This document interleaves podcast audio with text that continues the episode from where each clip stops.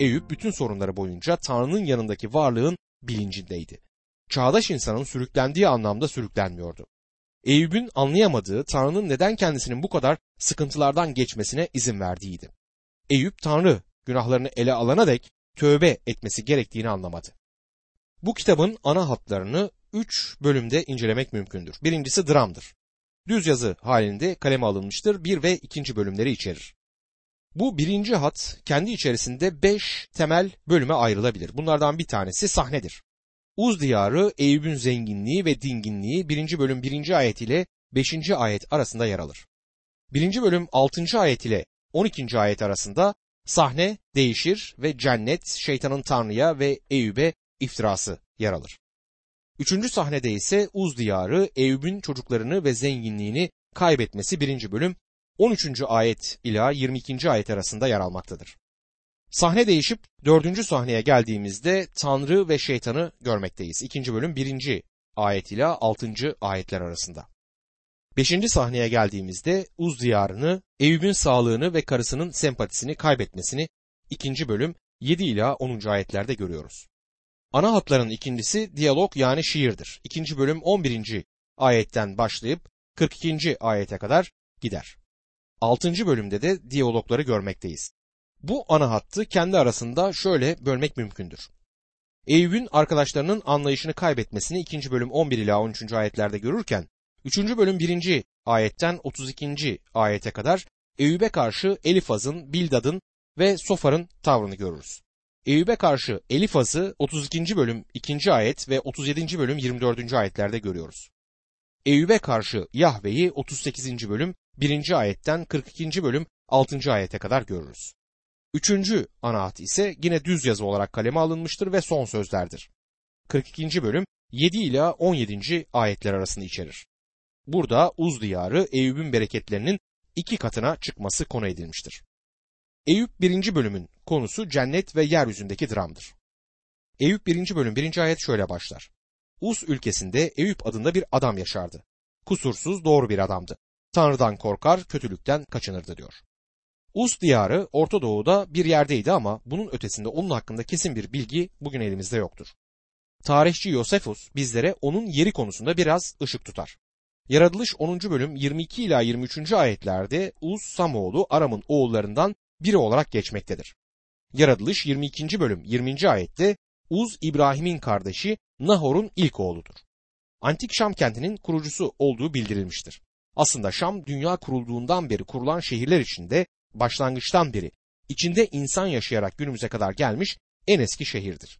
Bu yüzden Eyüp'ün Suriye çöllerinde bir yerde yaşadığını söylemek mümkündür. Aynı çöl Rabbin elçi Paulus'u doktora eğitimi için gönderdiği yerdir. Tanrı kullandığı insanlardan birçoğu için o çölü bir okul olarak kullandı ve onları orada disipline soktu. Dostum sizin uz diyarınızla benim uz diyarım coğrafi bakımdan farklı olabilir. Bu dünyanın herhangi bir yeri olabilirler. Önemli olan bu değildir. Önemli olan Rabbin orada öğrenmemizi istediği belirli dersler olduğudur. Eyüp'ün kusursuz olduğu söylenmiştir. Onun kusursuz olduğunu söylerken ne demek ister bu ayet? Tanrı ile olan ilişkisinde kurbanlar sunarak kusursuz olduğu söylenir. Beşinci ayette bunu görürüz. O günlerdeki kurban yakılan kurbandı. Sonra onun Tanrı'dan korktuğunu okuyoruz. Tanrı'yı yüksek ve kutsal olarak görüyordu ve bunun sonucu olarak kötülükten nefret ediyordu. Bu noktalarda Tanrı konusunda hiçbir bilgisi olmayan çağdaş insandan farklı olduğunu görmekteyiz. Eyüp 1. bölüm 2 ila 3. ayetlerde 7 oğlu 3 kızı vardı. 7 bin koyuna, 3 bin deveye, 500 çift öküze, 500 çift eşeğe ve pek çok köleye sahipti. Doğudaki insanların en zengini oydu diyor. Eyüp'ün 10 çocuklu muhteşem bir ailesi vardı. Zengindi ve hepsi lüks ve rahat içerisinde yaşıyorlardı. Ulaşım için develeri vardı. Zamanın taşımacılık işinde olabilirdi. Süt içinde yeterince hayvanı bulunmaktaydı. Bu adam lüksün kucağında yaşıyordu. Üçüncü ayetin son kısmı Eyüp'ün günümüzün en zenginleri petrol krallarının bir karışımı olduğunu belirtir. Eyüp 1. bölüm 4. ayette oğulları sırayla evlerinde şölen verir, birlikte yiyip içmek için üç kız kardeşlerini de çağırırlardı diyor. Lüksün kucağında yaşıyorlardı ve rahat bir hayatları olduğu kesindi. Ama bütün bu bolluk ve rahatlığın ortasında Eyüp'ün kalbinde korku olduğuna lütfen dikkat edin. Eyüp 1. bölüm 5. ayette bu şölen dönemi bitince Eyüp onları çağırtıp kutsardı. Sabah erkenden kalkar çocuklarım günah işlemiş. İçlerinden Tanrı'ya sövmüş olabilirler diyerek her biri için yakmalık sunsunardı. Eyüp hep böyle yapardı diyor. Benim ilgimi çeken kendisinin bir takdimeye ihtiyacı olduğunu düşünmemesidir. Kendisinin Tanrı önünde doğru olduğunu düşünüyordu ama oğulları ve kızlarının belki de Tanrı'ya olmaları gerektiği kadar yakın olmadıklarını düşünüyordu ve bu yüzden onlar için kurbanlar sunuyordu. Kendi ailesinin rahibiydi. Şimdi bu sahne sona eriyor. Güzel bir ailesi olan ve bolluk içerisinde yaşayan zengin bir adamı gösteren görkemli bir sahne yavaş yavaş kapanacaktır. Ama adamın kalbinde bir korku var. Günümüzde birçok kişinin oğulları ve kızları için yüreklerinde taşıdıkları korku Eyüp'ün yüreğinde de bulunmakta. Bu sorunla kendisinin başa çıkamayacağını kabul ederek Tanrı'ya başvuruyordu. Günümüzde oğulları ya da kızları evden ayrılıp başını derde sokan, belki de uyuşturucu kullanan birçok anne baba bulunuyor. Bu anne babaların birçoğu Eyüp gibi kendileri Tanrı'ya başvurmamışlardır. Bunun sonucu olarak üzerlerinde çözemedikleri sorunların yükünü taşırlar. Eyüp korkuyla nereye gideceğini biliyordu. Çocukları için yakılan bir kurban sunuyordu. Yakılan kurban Mesih'ten söz eder. Bu adam bir tanrı adamıydı. İkinci perde açıldığı zaman cennette açılır ve harikulade bir manzara görürüz. Ne Eyüp ne de bu kitaptaki diğer insanlardan hiçbiri bunların gerçekleştiğini bilmiyorlardı. Ama bu sahne günümüzde Tanrı'nın halkından bazılarının başına gelen şeyleri anlayıp yorumlamamıza yardım edecektir. Bunun tam bir açıklama olduğunu söylemiyorum ama açıklamanın bir kısmıdır. Eyüp 1. bölüm 6. ayette bir gün ilahi varlıklar Rabbin huzuruna çıkmak için geldiklerinde şeytan da onlarla geldi diyor. Şimdi bu cennetteki sahnedir. Tanrı oğulları, Tanrı'nın yaratılmış varlıkları onun önüne geldiler. Onlar hakkında çok az şey bildiğimi itiraf etmeliyim. Onların sayısız, denizin kenarındaki kumlar kadar sayısız olduğunu sanıyorum. Bunun anlamı da sizler ve benim onları sayamayacağımızdır. Ve bunlar insan değildirler. Bu yüzden bizim ırkımıza ait değiller. Buna karşın Tanrı tarafından yaratılmış varlıklar olduklarından sorumlu yaratıklardır. Düzenli bir rutin içerisinde yani her zaman gelip Tanrı'ya rapor vermeleri gerekmektedir. Bu herhalde beklememiz gereken bir şeydir ama burada biraz şoke edici bir şey de vardır. Onların arasında şeytan da geldi diyor. Bu bir sürprizi oluşturuyor.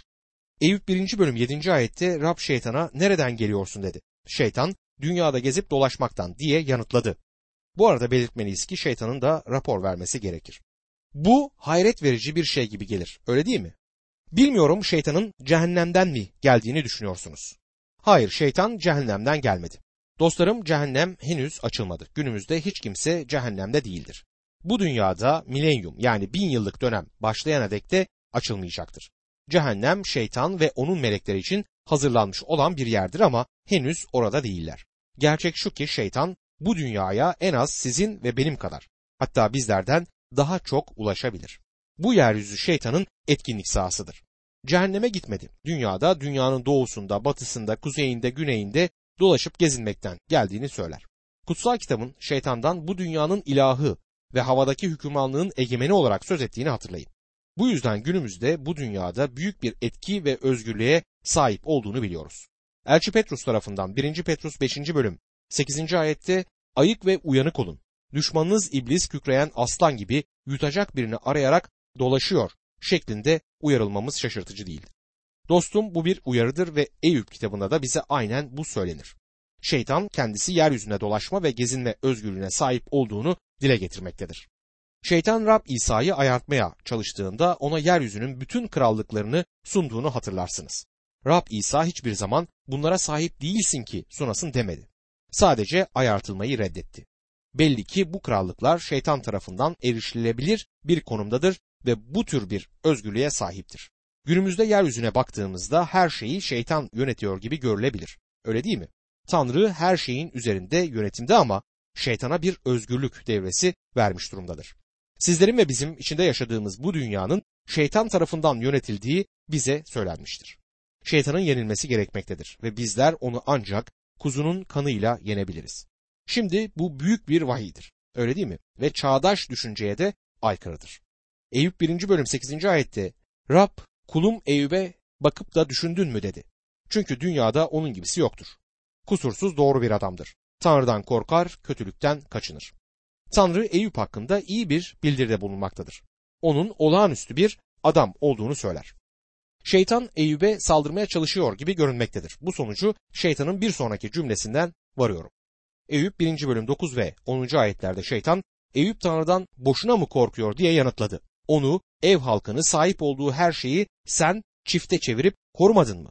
Elleriyle yaptığı her şeyi bereketli kıldın. Sürüleri bütün ülkeye yayıldı diyor. Öyle görülüyor ki şeytan bir süredir Eyüp'e saldırmaya çalışıyordu ve ona erişemeyeceğini anlamıştı. Çünkü etrafında bir çit vardı. Rabbe sen onun etrafına bir çit çevirmişsin, ona dokunamıyorum diyor aslında.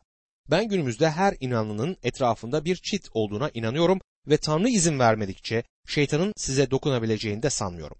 Ve eğer Tanrı buna izin verirse bu onun amacı için olacaktır. Eyüp kitabı bize bunu öğretmektedir. Eyüp 1. bölüm 11. ayette ama elini uzatır da sahip olduğu her şeyi yok edersen yüzüne karşı sövecektir diyor şeytan. Şimdi şeytan Eyüp'e çamur atmaktadır. Sanırım şeytan insanlığı küçümsememektedir. Eyüp'ün aslında Tanrı'nın bereketlerini almak için onun istediği gibi biri olduğunu söyler ve bizleri de değersiz kişiler olarak görür. Bizlerin de Tanrı'dan yararlanmak için ona itaat ettiğimizi ve eğer Tanrı etrafımızdaki çiti ve hayatımızdaki her şeyi bizden alırsa Tanrı'ya lanet edeceğimizi söyler. Dünyada Tanrı'ya lanet edecek birçok insan olduğuna dikkatinizi çekmek isterim. Orası kesindir. Yaşadığım yerde sokağa çıkmam yeterli. Tanrı'ya neredeyse her gün lanet edildiğini, küfür edildiğini duyuyorum. Bir keresinde sokakta yürürken bir inşaat vardı ve ustabaşlarından biri bir düzeltme yapmaya çalışıyordu ve parça aşağıya düştü. Adam Tanrı'ya küfürler etmeye başladı. Belki kendini dindar biri sayıyor ve koltuğunun altında kocaman bir kutsal kitap taşıyordur, orasını bilemem. Ama bildiğim bir şey varsa Tanrı'ya küfür ettiğidir. Bunu günümüzde sürekli duyuyoruz. İnsanların Tanrı ile doğru bir ilişkisi ne yazık ki yok dostum. Eyüp'ün etrafında bir çit vardı ve şeytan ona dokunamayacağını görünce onu elime geçirmeyi isterdim dedi. Şeytan insanlardan nefret eder. İnsanların neden şeytana hizmet etmeyi istediklerini anlayamıyorum çünkü şeytan insanlardan nefret eder. Böyle bir efendim olsun istemezdim. Beni seven ve bana karşı anlayışlı davranan bir efendim olmasını isterim. Ve bu tür bir efendiye de hamdolsun sahibim. Eyüp 1. bölüm 12. ayette Rab şeytana peki dedi. Sahip olduğu her şeyi senin eline bırakıyorum. Yalnız kendisine dokunma. Böylece şeytan Rabbin huzurundan ayrıldı. Burada Tanrı'nın dayandığımız şeyleri bizden alması için şeytana bazen izin verdiğini öğreniyoruz. Bize güvence veren şey bizden alındığında kendimizi bu dünyada çok çaresiz bir şey yapamaz ve kayıp hissettiğimizi biliyorum. Birçoklarımız bu tür zamanlarda Tanrı'ya yakarıyoruz. Tanrı'nın şeytana bu adamdan bütün varını yoğunu alması için izin vereceğine dikkat edin. Şuna inanın ki şeytan eğer mümkün olsaydı bizi yok ederdi. Tanrı'nın kendisi için hizmet edilmeye ve sevilmeye değer olmadığını ama Tanrı'nın kendisini sevmesi için Eyüp'e ödeme yaptığını ima ederek hem Tanrı'ya hem de Eyüp'e iftira attı. Şeytan Tanrı'nın ve insanın düşmanıdır. Şimdi sahne değişir ve yeniden Uz diyarına gideriz. Eyüp 1. bölüm 13 ila 15. ayetlerde bir gün Eyüp'ün oğullarıyla kızları ağabeylerinin evinde yemek yiyip şarap içerken bir ulak gelip Eyüp'e şöyle dedi. Öküzler çift sürüyor, eşekler onların yanında otluyordu. Sabalılar baskın yaptı. Hepsini alıp götürdü. Uşakları kılıçtan geçirdiler. Yalnız ben kaçıp kurtuldum sana durumu bildirmek için. Dostlarım Eyüp'ün çocukları çok güzel zaman geçiriyordu. Bir kardeşten öbürünün evine gidiyorlardı ve her gün ziyafetteydiler. Gerçekten eğlendikleri belli. Eyüp güzel bir yaşam sürüyordu ve birdenbire bir şeyler olmaya başlıyor. Bu tür düşmanları olduğunu bile bilmiyordu ama şimdi Şeballar gelip sığırlarını almışlardı. Eyüp 1. bölüm 16. ayette o daha sözünü bitirmeden başka bir ulak gelip Tanrı ateş yağdırdı dedi. Koyunlarla uşakları yakıp küre çevirdi. Yalnızca ben kaçıp kurtuldum durumu sana bildirmek için. Tanrı'nın ateşi bu ilginç bir sözdür. Bir sigorta şirketinde çalışan bir arkadaşıma hep takılırım. Bilirsiniz poliçe her zaman eğer eviniz Tanrı'nın yaptığı bir şeyden ötürü mahvoluyorsa taahhüt altında olmadıklarını bildirir. Bir şey mahvolursa bizler her zaman Tanrı'yı suçlu tutarız. O zamanlarda aynı şeyi söylemekteydiler. Neden şeytanın ateşi demiyor? Bunu kim yapmıştı? Tabii ki şeytan yaptı. Sigorta poliçeleri neden eğer Tanrı evimi mahvetmesi için şeytana izin verirse demez. Eyüp 1. bölüm 17. ayette o daha sözünü bitirmeden başka bir ulak gelip kildaneler üç bölük halinde develere saldırdı dedi. Hepsini alıp götürdüler. Uşakları kılıçtan geçirdiler. Yalnız ben kurtuldum. Durumu sana bildirmek için. Borsada hisselerin birdenbire düşmesinden söz ederiz. Eyüp'ün hisseleri çoktu ve hepsi elinden gitti. Her şey yok olmuştu. Eyüp 1. bölüm 18 ve 19. ayetlerde o daha sözünü bitirmeden başka bir ulak gelip oğullarınla kızların ağabeylerinin evinde yemek yiyip şarap içerken ansızın çölden şiddetli bir rüzgar esti dedi. Evin dört köşesine çarptı. Ev gençlerin üzerine yıkıldı. Hepsi öldü. Yalnız ben kurtuldum durumu sana bildirmek için. Burada trajedi ötesi bir trajediyi görmekteyiz. Eyüp'ün bütün çocukları ölmüştü. Gerçek bir Teksas kasırgası sonucu bütün çocukları öldü. Siz olsaydınız böyle bir durumda ne yapardınız? Eyüp'ün ne yaptığına dikkat edin. Eyüp 1. bölüm 20 ila 22. ayetlerdi. Bunun üzerine Eyüp kalktı, kaftanını yırtıp saçını sakalını kesti, yere kapanıp tapındı. Dedi ki, bu dünyaya çıplak geldim, çıplak gideceğim. Rab verdi, Rab aldı. Rabbin adına övgüler olsun. Bütün bu olaylara karşın Eyüp günah işlemedi ve Tanrı'yı suçlamadı. Bu adamı izleyin ve tanıklığını dinleyin. Burada günümüzdeki Mesih inanlarının maddi şeylere karşı gereksinim duydukları bir yaşama bakış açısı ve yaşam felsefesini görüyoruz. Sizler ve ben bu dünyaya hiçbir şeysiz geldik. Bu dünyaya geldiğimizde çırılçıplaktık ve dünyayı aynı şekilde de terk edeceğiz. Kefenin cebi yoktur sözünü hatırlarsınız. Dostum yanınızda hiçbir şey götüremezsiniz. Bir hikaye vardır. Yıllar önce çok zengin bir ailenin yaşlı reisinin kapısının önünde bütün akrabaları bekliyormuş. İhtiyar adamın ölmesini ve ailenin avukatının dışarıya çıkmasını bekliyorlar. Avukat dışarıya çıktığında kendilerine babalarının öldüğünü bildirmiş. Hırslı akrabalardan bir tanesi ne kadar bıraktı diye atılmış. Hepsini bıraktı. Yanında hiçbir şey götürmedi diye avukat karşılık vermiş. Bizim için de aynı şey olacaktır. Ne kadar çok tapunuz olduğu ya da kasanızın ne kadar sağlam olduğu, neler biriktirdiğiniz ya da ne kadar sigortanızın olduğu önemli değil. Siz bu dünyadan ayrıldığınızda ve ben bu dünyadan ayrıldığımda tıpkı bu dünyaya geldiğimiz gibi gideceğiz. Bunu yaşam felsefemize sokmamız çok önemlidir. Şimdi çok pahalı bir evde ya da bir mezbelede ya da çok basit bir yerde yaşıyor olabilirsiniz. Kabarık bir banka hesabınız da olabilir, sayacak hiçbir şeyiniz olmayabilir. Borsa hisseleri ve bonolarla dolu bir kasanız da olabilir, bir kasanız bile olmayabilir. Kim olduğunuz hiçbir şeyi fark ettirmez. Hepimiz bu dünyaya geldiğimiz şekilde bu dünyadan gideceğiz. Her neye sahipseniz onun sadece kahyalarısınız. Gerçekte sonunda size ait değiller. Bu Eyüp denen adam yere düşüp Tanrı'ya tapınır. Evet giysilerini yırttı, kafasını tıraş etti ve adamın hıçkırıklarını çok uzaklardan duyabiliyordunuz. Her şeyini, oğullarıyla kızlarını bile kaybetti ama Rab verdi ve Rab aldı. Rabbe övgüler olsun diyebildi. Dostum her neye sahipseniz onu size veren Rab'dir ve eğer isterse onu sizden geri alabilir. Sahip olmamıza izin verdiği şeyleri nasıl kullandığımız konusunda sizleri ve beni sorumlu tutacaktır. Elçi Pavlus 2. Korintlerde bizden kahyalar olarak söz etmesinin nedeni budur. Kahya başkasına ait mallara bakan birisidir. Tanrı bizlerden maddesel şeylerini nasıl kullandığımızın hesabını soracaktır. Burada yeryüzünde olan her şey O'nundur ve siz onları sadece kullanıyorsunuz.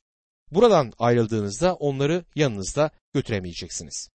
Eyüp bunu anlamıştı ve imanını kaybetmedi. Hala Tanrı'ya tutunuyordu. Bu durumda dahi Eyüp suç işlemedi, günaha düşmedi ve Allah'ı suçlamadı. Eyüp kitabı 2. bölümde cennette ve yeryüzünde dramı görürüz. Eyüp 2. bölümde sanki cennetin, Tanrı'nın ve şeytanın olduğu bir sahne sergilenir. Eyüp 2. bölüm 1. ayette başka bir gün ilahi varlıklar Rabbin huzuruna çıkmak için geldiklerinde şeytan da Rabbin huzuruna çıkmak için onlarla gelmişti der. Yaratılmış varlıklar yine düzenli olarak verdikleri raporları vermeye gitmişlerdi. Hepsinin Tanrı'ya rapor vermeleri gerektiğine dikkat ediniz. Sizler ve ben de bir gün Tanrı'ya rapor vereceğiz. Mesih inanlısının Mesih'in yargı kürsüsünün önünde görüneceğini 2. Korintliler 5. bölüm 10. ayete göre biliyoruz. Ve orada kendisine buradaki kahyalığımız hakkında rapor vereceğiz. Yani bir nevi Tanrı'ya hesap vereceğiz. Vahiy 20. bölüm 11. ayet ila 15. ayetler arasında söze edilen imanlı olmayan insanların hesap vereceği büyük beyaz tat yargısında inanlar olarak bizler olmayacağız. Tanrı'nın bütün yaratıkları gelip ona rapor vermelidirler. Dostum, onun Tanrı olduğunu hatırlayın.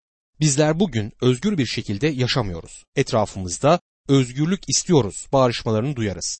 Ne kadar özgürlüğe sahibiz. Bir çekirge kendi boyutlarına göre bir insanın kendi boyutlarına göre sıçrayabildiğinden daha yükseğe sıçrayabilir. Eğer bizler bir gün çekirgenin sıçrayabildiği gibi sıçrayabilseydik en yüksek binanın üzerinden sıçrayabilirdik. Tanrı bizleri belirli sınırlar içerisinde yaratmıştır. Bizler yaratıklarız. O yaratıcıdır. Hepimizin ona cevap vermesi gerekmektedir. Tanrı oğulları kendilerini takdim etmek için onun önüne geldiklerinde şeytanın da rapor vermek için geldiğine dikkat edin. Şeytan Tanrı'nın yetkisi altındadır. Tanrı onun ne rapor vereceğini zaten bildiği halde şeytanın Tanrı'nın önüne çıkması ve Rabbe neler yaptığını bildirmesi gerekiyor.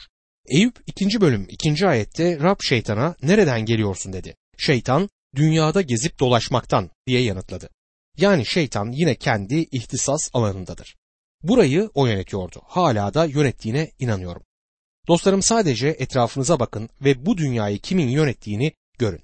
Eyüp 2. bölüm 3. ayette Rab kulum Eyüp'e bakıp da düşündün mü dedi. Çünkü dünyada onun gibisi yoktur. Kusursuz doğru bir adamdır. Tanrı'dan korkar, kötülükten kaçınır. Onu boş yere yok etmek için beni kışkırttın ama o doğruluğunu hala sürdürüyor.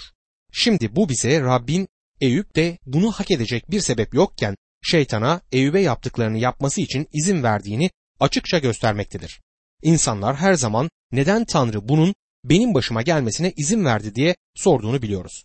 Belki de Rabbin yanıtı sende bunu gerektirecek bir neden yok. Seni dövmüyorum, seni cezalandırmıyorum. Sadece seni kendime daha yaklaştırmak istiyorumdur. Eyüp'e böyle yapmıştı. Eyüp bunu hak edecek bir şey yapmamıştır. Bazen bir inanlıya parmağınızı uzatıp Tanrı'nın onu kırbaçladığını söyleriz ve bu hiç doğru olmayabilir. Tanrı bize o kadar sorunla güvenemediği için onu bizi sınayamadığı bir biçimde sınıyor olabilir. Doğrusu ben Eyüp'ün çektiği acıları çekmeyi asla istemezdim. Rab şeytanın dikkatini yeniden Eyüp'e çevirir. Eyüp hala bana hizmet ediyor. Eyüp'ten her şeyi alırsan bana sırtını çevireceğini söylemiştin ama bunu yapmadı. Doğruluğunu korudu diyor.